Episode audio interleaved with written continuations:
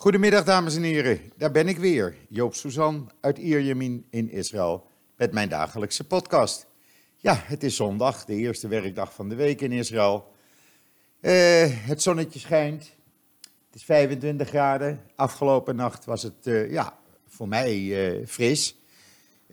Als je acht maanden 30 graden achter de rug hebt en het is dan opeens eh 17, 18 graden. Ja, dat is fris morgens om half zeven. Eh, nu is het lekker, 25 graden. Maar er staat een eh, behoorlijke eh, oosten, oostelijke wind, noordoostelijke wind. En eh, ja, ik zit op de dertiende etage en op de hoek en dan draait hij lekker om het gebouw heen. Het gebouw staat op het noordwesten, noordoosten gericht zo'n beetje, die hoek. Ja, dan is het op het balkon alsof je bij windkracht 9 op de pieren van de Muiden staat, zal ik maar zeggen. Eh, wat ik in mijn jeugd veel heb gedaan trouwens. Maar goed, eh, we doen het er maar mee. Het weekend, eh, ja, vrijdagavond beren gezellig natuurlijk bij een van de kinderen gegeten in Kfar Saba. Eh, die hadden ook een stel, eh, aantal stellen vrienden uitgenodigd. Ja, dan wordt er over politiek gesproken. Ik ken die vrienden eh, natuurlijk. Jongelui allemaal. Maar ja, ze vinden het dan prachtig om met mij over de politiek te spreken. Over de raketten uit Gaza. eh, mijn mening te horen over van alles en nog wat. Willen de podcast luisteren en zien. Ook al verstaan ze er niets van. Maar goed, beren gezellig. En gisteren, Shabbat, heerlijk lekker bijgeslapen, geluierd, niks gedaan. Ja, met de hond gelopen voor eh, een kleine twee uur, want het was zalig weer. Eh, ja, en nou eh, er weer tegenaan. En dan, eh, ja, dan gistermorgen natuurlijk toch eh, twee raketten die richting Beersheba vlogen. U kunt het lezen op joods.nl. U ziet daar ook een filmpje van een lichte paniek in een nachtclub. Het was zaterdagmorgen om een uur of één, half twee. Die twee raketten zijn natuurlijk uit de lucht geschoten door de Iron Dome, als we die toch niet hadden. En eh, ja, eh, er was een beetje paniek, want men dacht van ja, begint het nou weer? Houden ze zich nou niet aan, de, aan het bestand? In ieder geval, eh, ja, het is nu weer rustig. De scholen zijn begonnen in Zuid-Israël, die zijn gewoon open.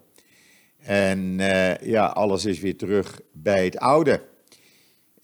Wat wel opviel, dat vrijdag was een bonje tussen de Hamas-leiders en de leiders van Islamic Jihad. Die waren kwaad omdat Hamas zich afzijdig had gehouden. Eh, Hamas-leiders wilden naar de rouwtent toe, eh, waar die, eh, een van die terroristen opgebaard lag. Eh, ze werden uitgejouwd, ze moesten vluchten. En nou ja, ze zijn gisteravond bij elkaar gekomen. En ze hebben gezegd: jongens, wij zijn weer vriendjes. Ze kusten elkaar, ze klopten elkaar op de schouders. En voor het oog van de buitenwereld zijn ze weer vriendjes. Maar ik denk toch dat het anders zit. En dat Hamas eh, gewoon niet wil dat er nog meer raketten de kant van Israël op gaan. Want ja, eh, zij, eh, zij willen ook een beetje rust. En daar is iedereen bij gediend. In ieder geval gaan er hier in Israël wel stemmen op dat Netanyahu te slap is geweest. Hij had dat veel harder moeten aanpakken. En eh, ja, heeft eh, eigenlijk weer een bestand eh, gemaakt zonder echt nu eens een keer door te halen. En dan kunnen we gewoon wachten op de volgende ronde. Die dan over niet al te lange tijd weer gaat plaatsvinden voor één of twee dagen. Maar goed, laten we zien wat er gebeurt. Het wordt een spannende week namelijk deze week. Komt er nou wel of geen regering? Netanyahu is in paniek. Die heeft, had vanmorgen een, eh, ja, een soort noodtoestand uitgeroepen. Is gisteravond iedereen gaan bellen van de Likud.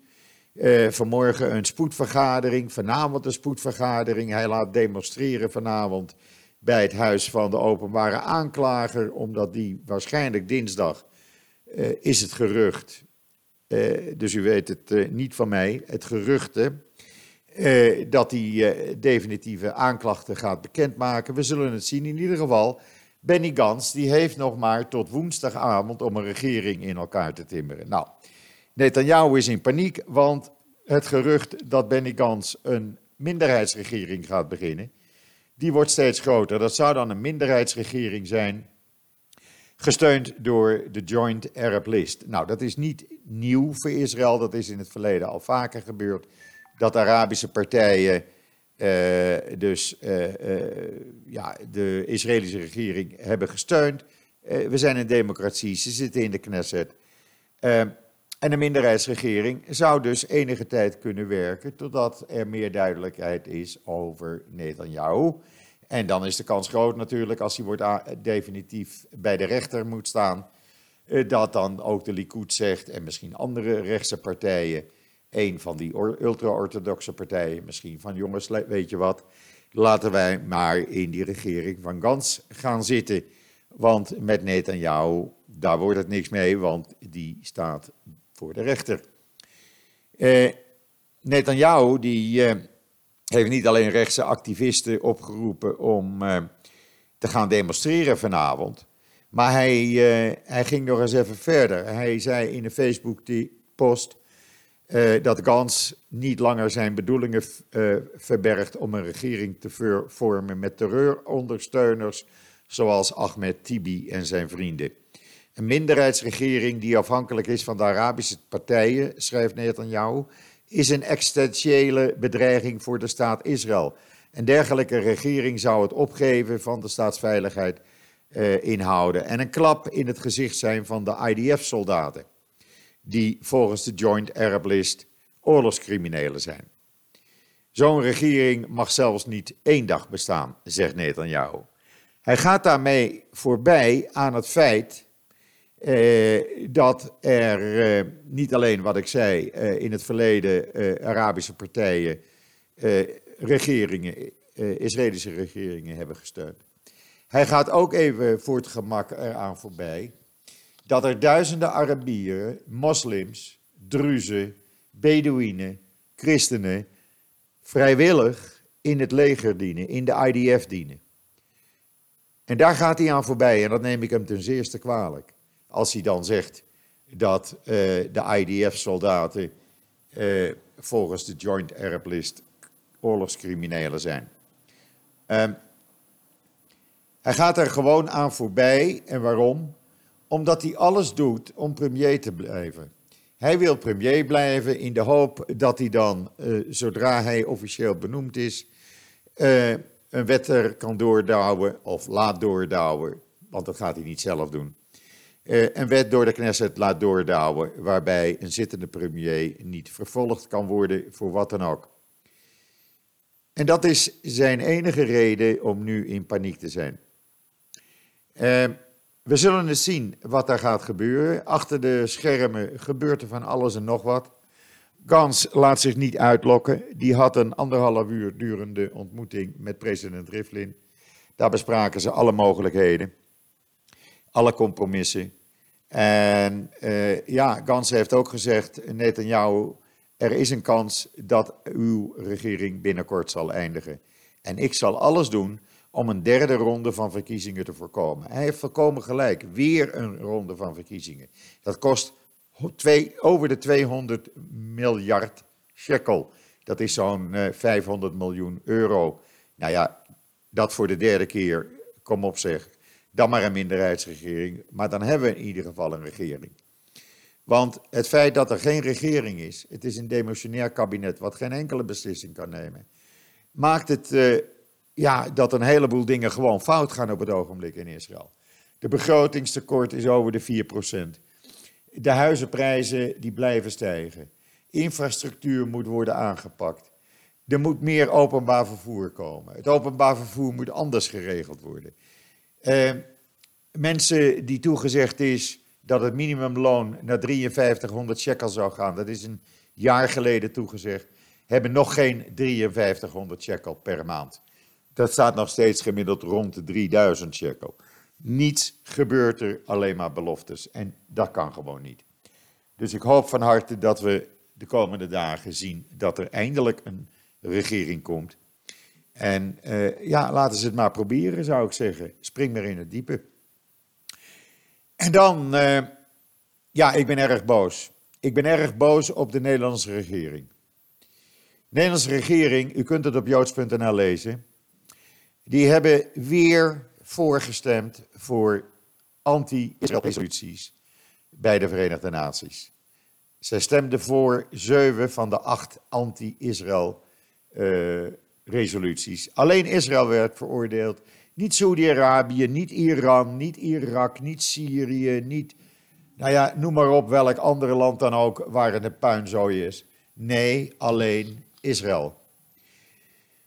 En Nederland doet daar vrolijk aan mee. Hetzelfde Nederland, wat altijd Israël gesteund heeft, doet daar vrolijk aan mee. Ondanks het feit dat er in 2017, november 2017, de Tweede Kamer de regering opriep om zich te verzetten tegen dit soort anti-Israël-resoluties. Misschien herinnert u zich nog, het was een resolutie van Kees van der Staaij van, uh, en Geert Wilders en Thierry Baudet. En die hadden gezamenlijk in die resolutie uh, de Nederlandse regering opgeroepen om uh, geen anti-Israël-resoluties meer te steunen. Uh, die resolutie die is aangenomen toen. En Nederland voert het gewoon niet uit. Er zijn sinds tussen 2006 en 2015 62 anti, uh, uh, 55 anti-Israël-resoluties geweest. En 7 voor andere landen. En nu het zover is dat de Tweede Kamer gewoon lak, of uh, de regering gewoon lak heeft aan wat de Tweede Kamer hen opdraagt, vind ik dat een schandaal van de eerste orde. Men trekt zich dus gewoon niet aan van uh, uh, verzoeken, resoluties van de Tweede Kamer, van een meerderheid. En men doet gewoon alsof ze neus bloedt. En Nederland stemt dus gewoon ant voor anti-Israël resoluties die totaal nergens op slaan. Het is alleen maar Israël pesten. En als de Nederlandse regering nou eens een keer flink wordt, meneer Rutte en meneer Blok, toon dan eens je ware gezicht. Zeg dan, oké, wij steunen deze resoluties en wij voeren de uh, resolutie van de Tweede Kamer niet uit, omdat wij een hekel hebben aan Israël. Want daar lijkt het inderdaad op. Maar nee, meneer Rutte staat weer vrolijk te lachen, meneer Blok weet van niks. Zo gaan ze maar door. Ik vind dit een grof, grof, grof schandaal. En ik verzoek u, uw uh, politieke partij, uh, of dat nou de SGP of Baudet of de PvdA of welke partij dan ook is, laat het, u, laat het hen weten dat ze in de maling worden genomen door meneer Rutte en zijn club. U kunt het hele verhaal met alle resoluties, via de links ook, die ik erbij heb gezet, want anders wordt het een boek, uh, lezen op uh, joods.nl natuurlijk.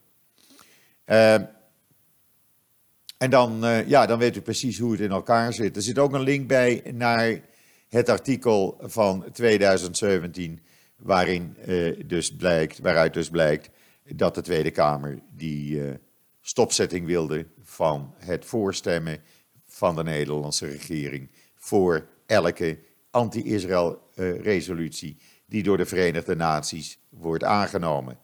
De voorzitter van de, deze, dit comité trouwens, van de Verenigde Naties, was een Irakees, de Irakese minister van Buitenlandse Zaken.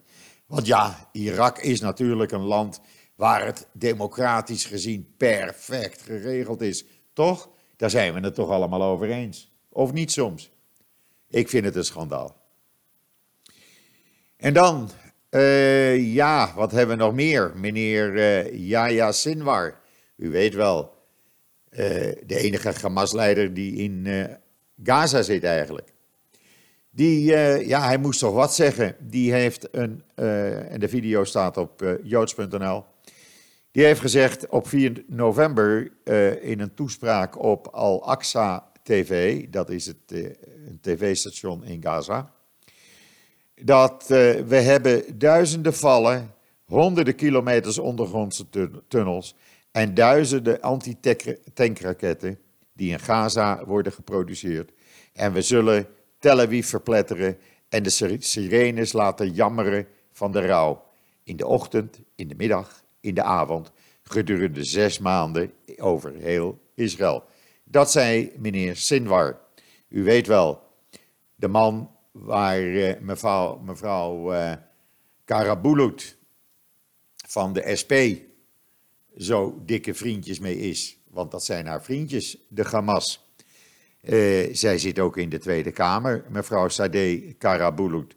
En die vindt alles wat Hamas zegt fantastisch. Ik vraag me af uh, of zij, uh, hoe zij hierop reageert als haar die vraag wordt gesteld.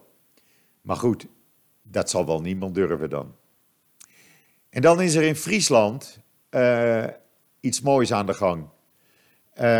In Friesland is vandaag een zoektocht begonnen naar 210 Joodse onderduikkinderen.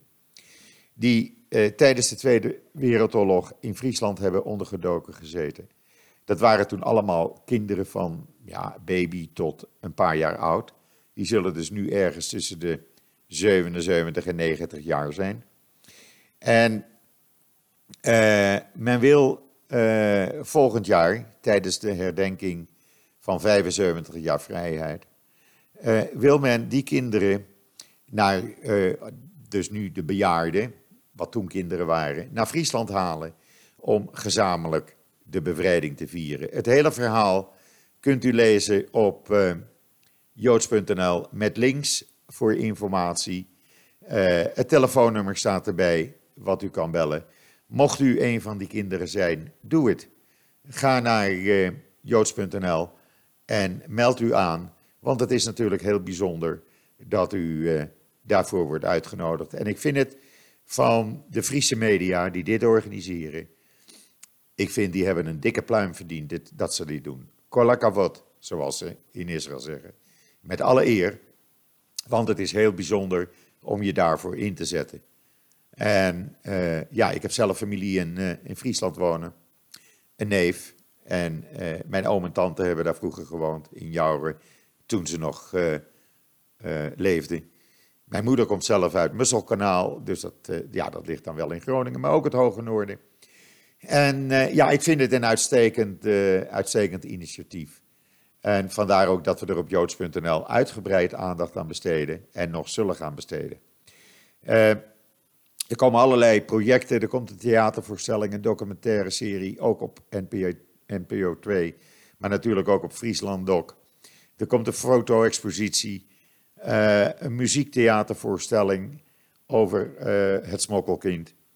Uh, nou ja, van alles en nog wat. Er wordt echt heel veel gedaan.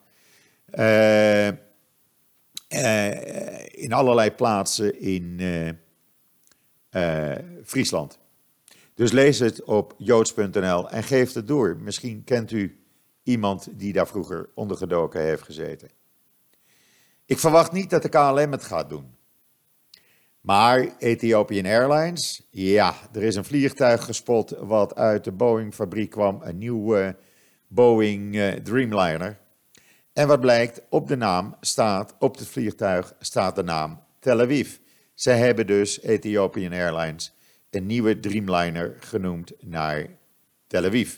Bijzonder. En uh, ja, ze vliegen ook twee keer dagelijks tussen Tel Aviv en Addis Ababa. Uh, er wordt erg veel heen en weer gevlogen.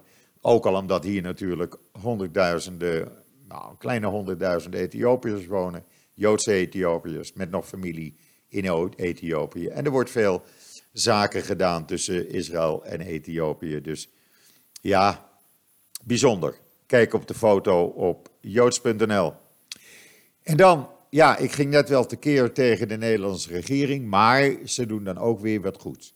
Ze hebben 2,5 miljoen euro beschikbaar gesteld voor de komende vijf jaar om oude Joodse begraafplaatsen te restaureren. Uh, de Joodse gemeenten uh, lokaal kunnen dat niet meer aan. Daar wonen bijna geen Joden meer. Die kunnen dat zelf niet meer uh, financieel behappen. Het NIK, het overkoepelende Joodse kerkgenootschap, Israëlisch kerkgenootschap, of Nederlands-Israëlisch kerkgenootschap moet ik zeggen. Uh, die zegt, ja, er wonen nog ongeveer 45.000 Joden, denken wij, in het Koninkrijk der Nederlanden. Daarvan zijn er meer dan 5000 Israëli's die hier tijdelijk wonen. En ja, het wordt steeds moeilijker om al die uh, begraafplaatsen door het hele land te onderhouden. Eh, vrijwilligers doen dat wel, maar dat moet eens een keer goed gedaan worden, omdat die begraafplaatsen eigenlijk niet meer worden gebruikt. En u weet, Joodse graven mogen niet worden geruimd, volgens de Joodse wet. Eh, dus dit is een goede zaak. En eh, ja, dat vind ik dan weer eh, wat de Nederlandse regering heeft gedaan, weer goed. Maar dat neemt niet weg dat ik nog steeds kwaad ben over die voorstemmen tegen, voor die anti-Israël resoluties in de Verenigde Naties. En dan opnieuw een teken van hoe goed het gaat, de ontwikkelingen tussen Israël en de golfstaten of Arabische landen. Er was een Israëliër, een jonge jongen van 17, Alan Leviev, en die won eh, bij de Jiu-Jitsu wereldkampioenschappen in de junior categorie. Hij won goud. En hij stond dus op het podium op de eerste plaats. En ja hoor, aangekondigd en wel werd het Israëlische volkslied Hatikwa gespeeld in het openbaar in Abu Dhabi. Prachtig. De video kunt u zien op joods.nl. En dan, dat komt, uh, ja, als u deze uh, podcast luistert, staat het al online. Nir Barkat, de vorige burgemeester van uh, Jeruzalem. En ook hij was hij, erg succesvol high-tech entrepreneur. die zit nu voor de Likud in de Knesset. En die heeft een plan gemaakt waarbij er in de komende jaren 250.000 banen voor Palestijnen worden gecreëerd. 250.000 banen. Waarbij de salarissen, afhankelijk van waar, waar Palestijnen werken, eh, met 50 tot 200 procent omhoog gaan. Als ze in Israël werken, dan, eh, of in de industriële zones, eh, waar Israël en Palestijnse ondernemers samenwerken. Uh, of in de Palestijnse gebieden zelf. Ja, daar zit nog een enorm verschil tussen. Wat is zijn idee? Hij zegt: we maken een, een 24-tal industriële zones, enkele tientallen. Daar komen Israëlische high-tech bedrijven en technologiebedrijven, die zetten daar hun fabrieken neer. Palestijnen die komen om daar te werken, die kunnen goed, uh, die kunnen goed geld verdienen. Daarnaast maken we 24 bijbelse toeristische sites voor christelijk uh, toerisme. Uh, we hebben het voorbeeld gezien, zegt hij, met Shiloh. Dat is een christelijk bijbelse site geworden waar je zo'n 60.000 christenen per jaar naartoe gaan als toerist. En die doen we op een 24-tal plaatsen over de Palestijnse gebieden. Dit heeft hij ook voorgesteld aan Koesner uh, en Greenblad van de zomer toen ze hier waren. U kunt het helemaal lezen op joods.nl met een link naar het volledige, hele lange, hele lange interview in de Times of Israel. Maar wel interessant. In ieder geval, wij hebben alleen dit gedeelte eruit gehaald, omdat we dat belangrijk vinden, omdat u dat weet. Betekent ook dat dit hele plan kost de wereld geen dubbeltje, geen cent. niks, nada, noppes. Het wordt volledig gefinancierd door uh, Israël, Israëlische bedrijven en de Palestijnen, Palestijnse bedrijven. En op deze manier komen er gewoon uh, eh, 250.000 banen. Dat betekent ook mensen die werken, Palestijnen die goed verdienen, die houden zich niet meer bezig met uh, terrorisme. Die denken alleen maar aan hun werk ze kunnen een, eh, een, veel beter inkomen verdienen als wat ze nu onder Abbas verdienen. En dit is gewoon het ei van Columbus. Als je zorgt voor werk en geld, dan is iedereen tevreden.